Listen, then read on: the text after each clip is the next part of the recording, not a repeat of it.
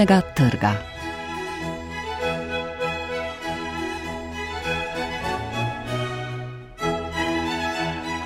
Dobro večer.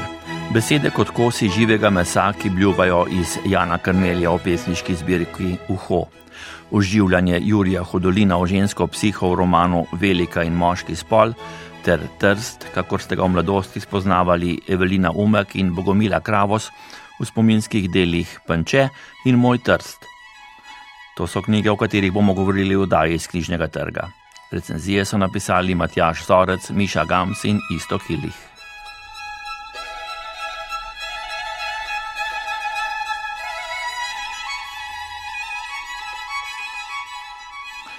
Svet, kot se kaže iz drobcev in hipnih odzivov, fragmenti in prisluškovanje vesolju. Vse to v svoji drugi pesniški zbirki Uho zajema mladi gledališki ustvarjalec in pesnik Jan Krmel. Knjigo, ki jo uvaja posvetilo za vse živo, je izdala založba Beletrina, ocenjujejo Matjaš Zorec. Besede vidim kot kose živega mesa, ki bljuvajo iz mene, žarki iz črne luknje. S tako intenzivnostjo je Jan Krmel opisal svojo pesniško zbirko Uho in dodal: Gre samo za to, ali te besede kdo pobere in jim da možnost, da rastejo naprej, kot bakterije, ki krožijo med nami, jezik nenehno potuje. Svet se še ni začel in ravno kar smo priča njegovemu koncu. Ob vstopu v svet, ki ga ubesedujejo pesmi v zbirki Uho ter povzema navedeni avtorjev zapis, morda pomislimo na Kantovo slavno, pogosto citirano misel: Dve stvari navdajata čut z vselej novim in naraščajočim občudovanjem in straho zvezdna to nebo nad nami in moralni zakon v nas. Navedka na prvi pogled delujeta, kot bi bila iz različnih dimenzij, a vendarle gre za podoben, če ne istoveten fenomen, kateremu prisluškujejo krmeljeve pesmi. Filozofova zgoščena in idealna misel v pesnikovi varianti postane distinktivno modernistična. Širjava zvezdnatega neba se prevede v neskončno multitudo obstajanj, moralni zakon v ponižen strah pred njimi. Skupen pa je poseg v neizmernost, ki pričuješ kot subjekt in ki se filtrira skozi tvoje čudi. Osnovna stanca verzov je strah oziroma nežna, a odprta preplašenost pred neznosnimi možnostmi bivanja, dostopnimi le prek fragmentarnih izsekov, izrezov in rezov v predstavni moči. Te fragmente pragmatično in precizno vzpostavi prolog v knjigo. Leta 1849 v tem prostoru nekdo kihne. Leta 1715 nekoga, ki sedi za mizo, zasrbi pod levo lopatico. Leta 1960 nekdo odpre pivo. Leta 2050 se nekdo zasmeji. Leta 2023 nekdo bere to knjigo. In tako naprej. Na vides arbitrarni izseki iz momentov, ki tvorijo vrtoglavo celovitost prostorov in časov, so v nadaljevanju raziskani s pretanjenimi, senzibilnimi in redkobesednimi verzi. Kot vedno pozorna divjat stopicajo po razdaljah in generacijah, ter se ujeti v zgolj svoje čutenje in čudenje, občasno zgrozijo, da bodo pozabili na pozornost in jih bo oplenila mimo hodeča gigantskost sveta. To, kar si, je tako drobčkan delček kozmosa, da se ti zvrti. Nekaj takega je prozaično in življenskim romanticizmom upesnil Milan Jesih v zbirki Mesto sto. Kaj na prihodnost je bilo spominov? A si dobil zgolj eno od življenj, druga so drugi vzeli zase in so ne tvoja, za vse tvoje čase. Krmeljeva čud gre v ušesu dlje od življenskih grenčic. Vstop v kakršne koli poogromljene predstave je seveda možen le skozi praktične momente. Zvok klavirja iz sobe, komaj vzdržna teža besed, drobno nakapane impresije izpete do mesta v svetni totaliteti a ravno nujna zavest, da je vsaka kontingenca del amorfne neskončnosti, katere ta ali oni preblisk lahko le oplaziš, je tisti formalni preskok k transcendentalnemu. Slednje seveda nima več kakšne enovite konsistence ali garanta smisla, temveč funkcionira le kot rana, kaleidoskop razpok, ki opaja spomeni in njihovimi prebitki. Verzi so tako kot v Karmeljevi prejšnji zbirki zgoščeni in minimalistični, ter hkrati zelo intenzivni kot ena in ista sled krempljev, zakraspana v tapiserijo tega ali onega ubesedovanega horizonta. Na redkih mestih uvajajo rimo, asonanco ali rigoroznejšo stopico, kar pa ob siceršnjih izbrušenih prostih verzih deluje regresivno. Kantova zvezdnato nebo in moralni zakon v nas sta tako prevrnjena v neštete kataklizme in prestrašeno nemoč. Občudovanje postane ujetost, vanje, strahospoštovanje, ustrahovano stanje. To pa seveda ni razlog, kot ponavadi trdijo strokovnjaki za tako imenovane metafizične transcendence, za kakšno resno obupanost ali nihilistično cepetanje. Nasprotno, kot nam pesni Karmeljeva poezija, se mora tu naše življenje šele začeti, ne se ustrašiti pred neizmernostjo onstran kontrole, resignirati se v njo in jo ubesedeno dajati dalje. V tem je ne nazadnje tudi korespondenca z zoro naše poezije končno daje poeziji v zbirki uho moč prav v vid, da resnica v naših vsakdanjih prebliskih sega dlje od nekakšnih srčkanih in nereflektirano spesnjenih posebnih načinov. Če ni mišljenja, ni življenja. Obstajanje se ti mora dati, vzeti ga moraš v vsej njegovi nepregledljivi mreži, breznu drobovja, ki si ga lahko samo predstavljaš. Tu potem vznikne poezija, krpajoča sproti trgane luknje obstoja. To bi bila krmeljeva modernistična transcendentalnost. Kantovsko vseobsegajočnost na najbrž najbolj sproščenem in hkrati najpolnejšem mestu ponovi tudi posvetilo na samem začetku knjige. Za vse živo.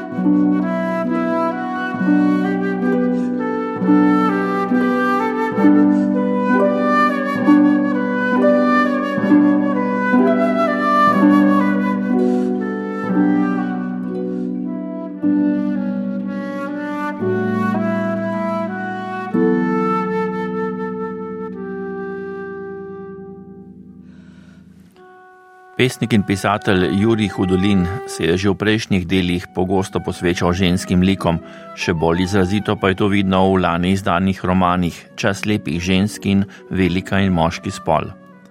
Slednjega je izdalo kulturno-umetniško društvo Apokalipsa, posvetila se mu je Miša Gams. Juri Hudolin je pesnik, pisatelj, scenarist, kolumnist in prevajalec. Še pred študijem primerjalnega jezikoslovja in srbo-hrvaškega jezika je izdal pesniški prvenec Če je laž kralj in nadaljeval kot pesnik. Napisal je obilo scenarijev za dokumentarne filme ter se proslavil kot kolumnist pri vseh večjih časopisih v državi. Zadnje desetletje ga poznamo zlasti kot pisca romanov, med katerimi naj omenimo Objesnost, Pastorek, Vrvohodec, Ingrid Rosenfeld in Osnove ljubezni in zla ter Ljubljanske ulice in Trst via Ljubljana. V letu 2023 je Hudolin izdal kar dva romana, ki jo je pisal pet let in o katerih pravi, da sta povezana in da združujeta autobiografske in fiktivne prvine. Vsak iz svojega zornega kota odgrinjata plasti ženske psihologije in podajata različne vidike razumevanja odnosov med spoloma. Roman Čas lepih žensk piše moška roka in v njem nastopa veliko junakin s konkretnimi imeni. Roman Velika in moški spol pa je napisan iz vidika ženske osebe. V spredju je zgodba, imena pa so bolj ali manj nepomembna. Hudolin protagonistko imenuje kar Velika, njenega partnerja oziroma soproga moški in njegovega sina Mali. Prek razmišljanja glavne junakinje gradi napetost, ki pa nenehno niha. Pri tem pisatelj vključuje dolge in kompleksne stavke in vanje mojstersko ustavlja starinske izraze, da pripoved deluje nekoliko arhajično, čeprav je postavljena v sodobni čas. Brez dvoma je roman, gledano iz stilističnega vidika, izjemno večplastno in zahtevno delo, pri katerem je Hudolin pokazal vse razpon pisateljskih zmožnosti. Na začetku romana pisatelj navaja, da mu je zgodbo nekega vetrovnega večera pripovedovala prijateljica, kot da bi bralca želel opozoriti, da je napisana po resničnem dogodku. Ne glede na to, ali gre za pretežno resnično ali fiktivno delo, je v drugi polovici romana veliko dramatičnih zasukov, ki nas do zadnje strani držijo v šahu, ne da bi nam uspelo uganiti, kako se bo zgodba razpletla. Zdi se, da se pisatelj na eni strani poigrava z bravčevimi pričakovanji, na drugi pa z družbenimi tabuji in stereotipi. Eden izmed njih je tudi incest oziroma erotična zveza med veliko in pastorkom, ki ga naziva moj moj ali mali in ki ga dobro desetletje vzgaja kot svojega sina, dokler se nedolžna simpatija nekega večera ne prelevi v večletno ljubimkanje. Čeprav bi Hudolinu lahko učitali, da tudi sam nehote zapada v stereotipe, zlasti ko opisuje brstečo življensko energijo velike, ki jo v nasprotju z depresivnim moškim kar razganja od poželenja, se po drugi strani zavemo, da je roman pravzaprav kronologija neke ženske želje, ki jo zaznamuje težko otroštvo z zasvojeno materjo, prostitutko in odsotnim očetom. Hudolinov roman Velika in moški spol namreč lahko beremo tudi kot eksperimentalen odgovor na Freudovo vprašanje, kaj neki ženska hoče, saj nam pisatelj postreže s pronicljivim pogledom v protagonistkino nezavedno, na kar nam njene iracionalne odločitve postanejo precej bolj jasne.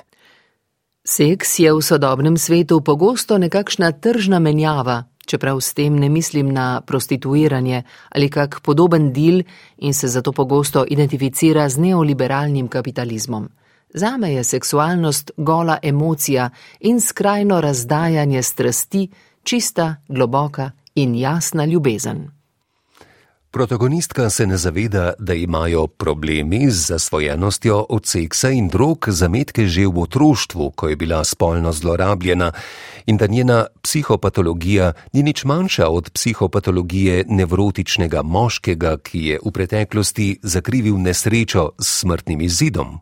Hudolin daje bravcu posredno vedeti, da smo že v startu žrtve svoje preteklosti naj si gre za slabo vest, ki razdira moškega, ali pa za žrtev nasilja.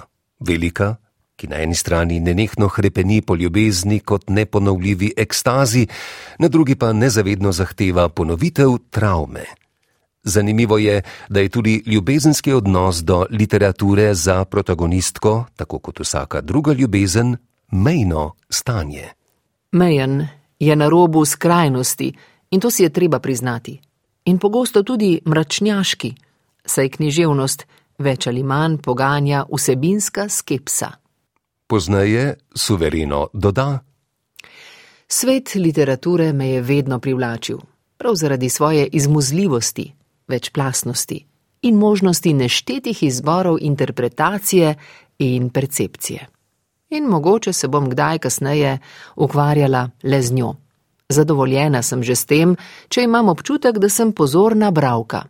Čeprav je tudi res, da sem spoznala, da mi največ pomeni življenje samo po sebi: ljubezen, spolnost, prijateljstvo. Osebna sreča, kako radi rečemo. Ta je več kot literatura, biznis, uspeh. Živeti. Protagonistka živi v svojem iluzornem mehurčku, ne da bi se zavedala, da jo žene samo destruktivni libido, ki ga v skladu s psihotično naravnano neoliberalno družbo razume kot nekaj pozitivnega. Ne na zadnje ji uspe zagnati slaščičarski posel in vzgojiti pastorka vzornega študenta filozofije tudi ko se njemu sesuje družinsko življenje v Ameriki in ko sama po smrti moškega zaživi kaotično življenje z zasvojenim maficem in doživi odvisniški kolaps, se ne neha tolažiti, kako najboljše za njo šele prihaja. Velika in moški spol je roman, ki prepleta in nadgrajuje tri plasti neke življenjske zgodbe sedanjo, preteklo in prihodno, ki se nenehno obrača nazaj k preteklosti in nam sporoča, da se v tem kroženju oziroma dramaturškem loopingu skriva ljubezen sama. Začutimo jo lahko tudi v številnih slikah Vladimirja Lebna, ki je z živalskimi motivi, razporejenimi v popolne kroge, ustvaril ilustrativno platformo romana in nam sporoča, da nobeno življenje ali dejanje ni vredno moralne obsodbe ali samo obžalovanja.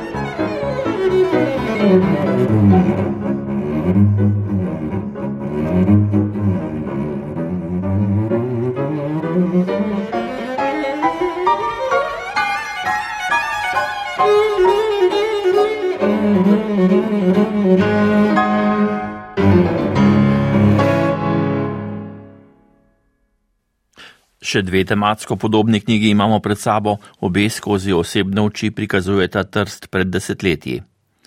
Evelina Umek se v literarizirani autobiografiji z naslovom Panče spominja predvsem otroških let, Bogomila Kravos pa spomine na mladost v knjigi Moj trst širi vse do današnjih časov. Prvo je izdala tržaška založba Mladika, drugo slovenska matica v Ljubljani. Obe pa predstavlja isto kilih. Sveti Ivan, del šeste tržaške četrti, nekaj minut hoda oddaljen od središča mesta, je bil do nastopa fašizma s šolami, kulturnimi in športnimi društvi, čitalnico, gledališčem in letos obnovljenim narodnim domom najbolj slovenski predel Trsta.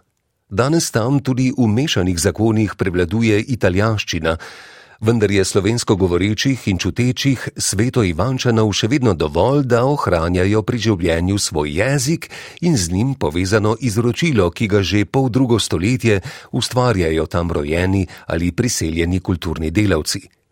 Med njimi urednica slovenke Marica Nadlišek in njen sin Vladimir Bartol, slikar Milko Bambič, prosvetni delavec in publicist Josip Kravos in njegova otroka, literata Marko in Bogomila, skladatelja Vasilij Mirk in Karol Pahor, narična pesnica Marija Mijot in igralka Elvira Kralj. Kako se je živelo v tem agrarnem zaledju Trsta od konca 19. do zadnje tretjine prejšnjega stoletja, sta med drugimi slikovito popisala Vladimir Bartol v mladosti pri svetem Ivanu in Marko Kravos v Trstu iz ptičje perspektive. Ob koncu lanskega leta sta svoj rojstni kraj skoraj sočasno zaznamovali še ugledni pisateljici Evelina Umek in Bogomila Kravos.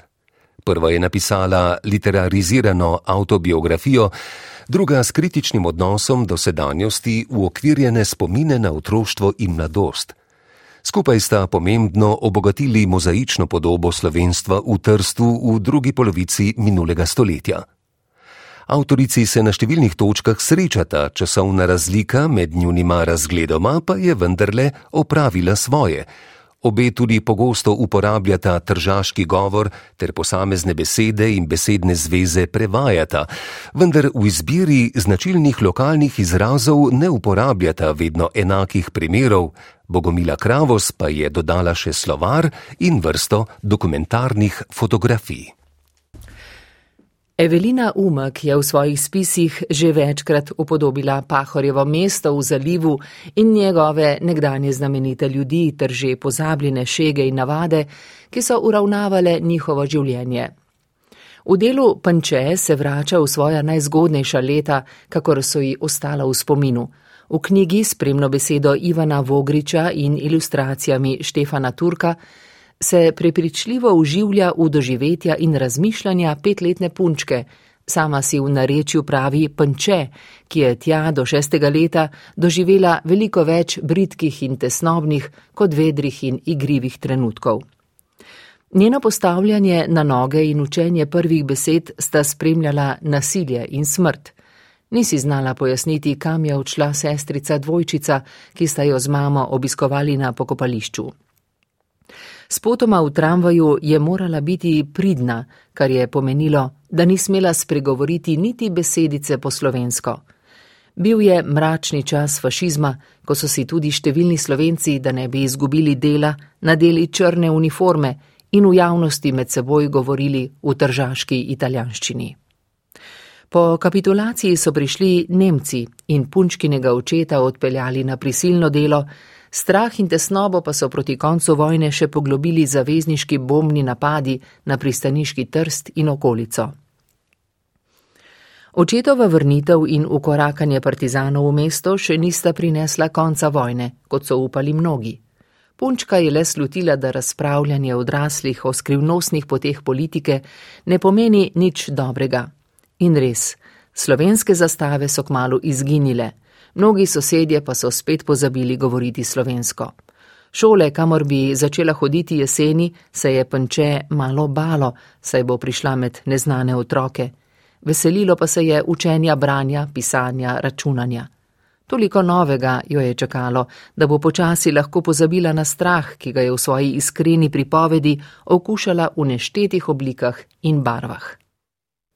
Teatrologinja in slovenistka Bogomila Kravos začenja svojo pripoved Moj trst dve desetletji potem, ko je Evelina Umek začela hoditi v šolo.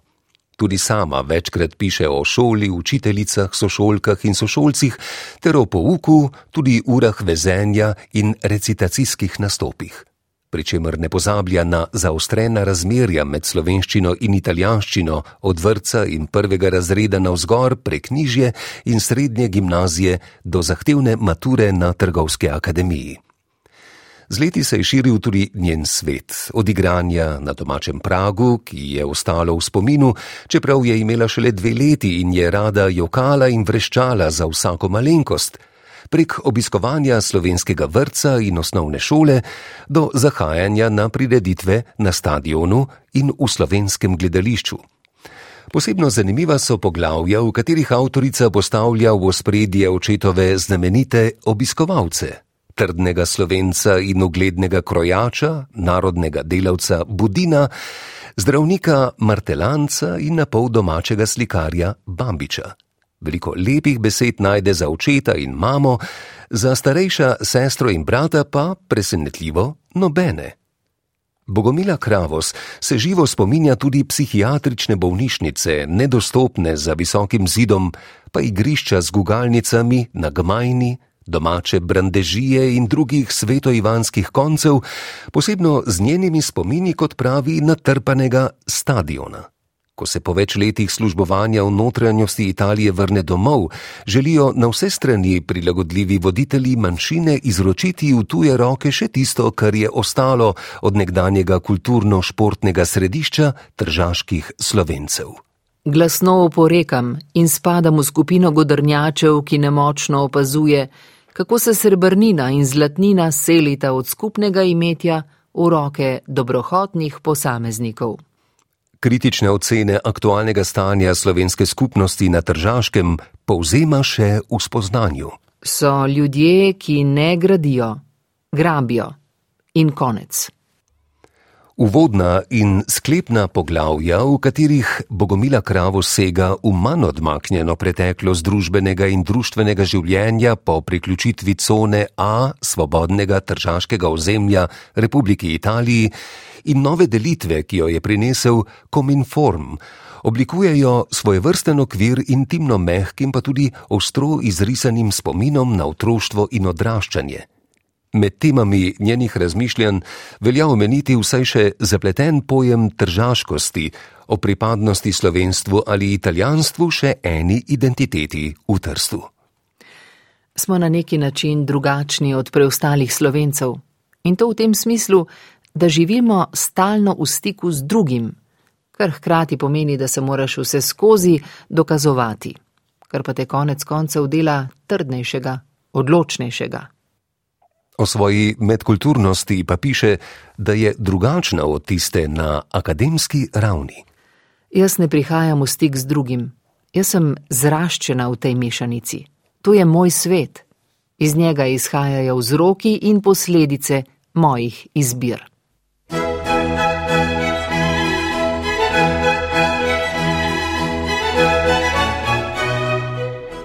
Poslušali ste oddajo z knjižnega trga. Recenzije Matjaža Zorca, Miše Gams in Istoka Iliha sta prebrala Igor Velše in Maja Mol. Glasbo je izbral Mihajl Kozjak, oddajo je posnel Miha Klemenčič, uredil sem jo Vlado Motnikar.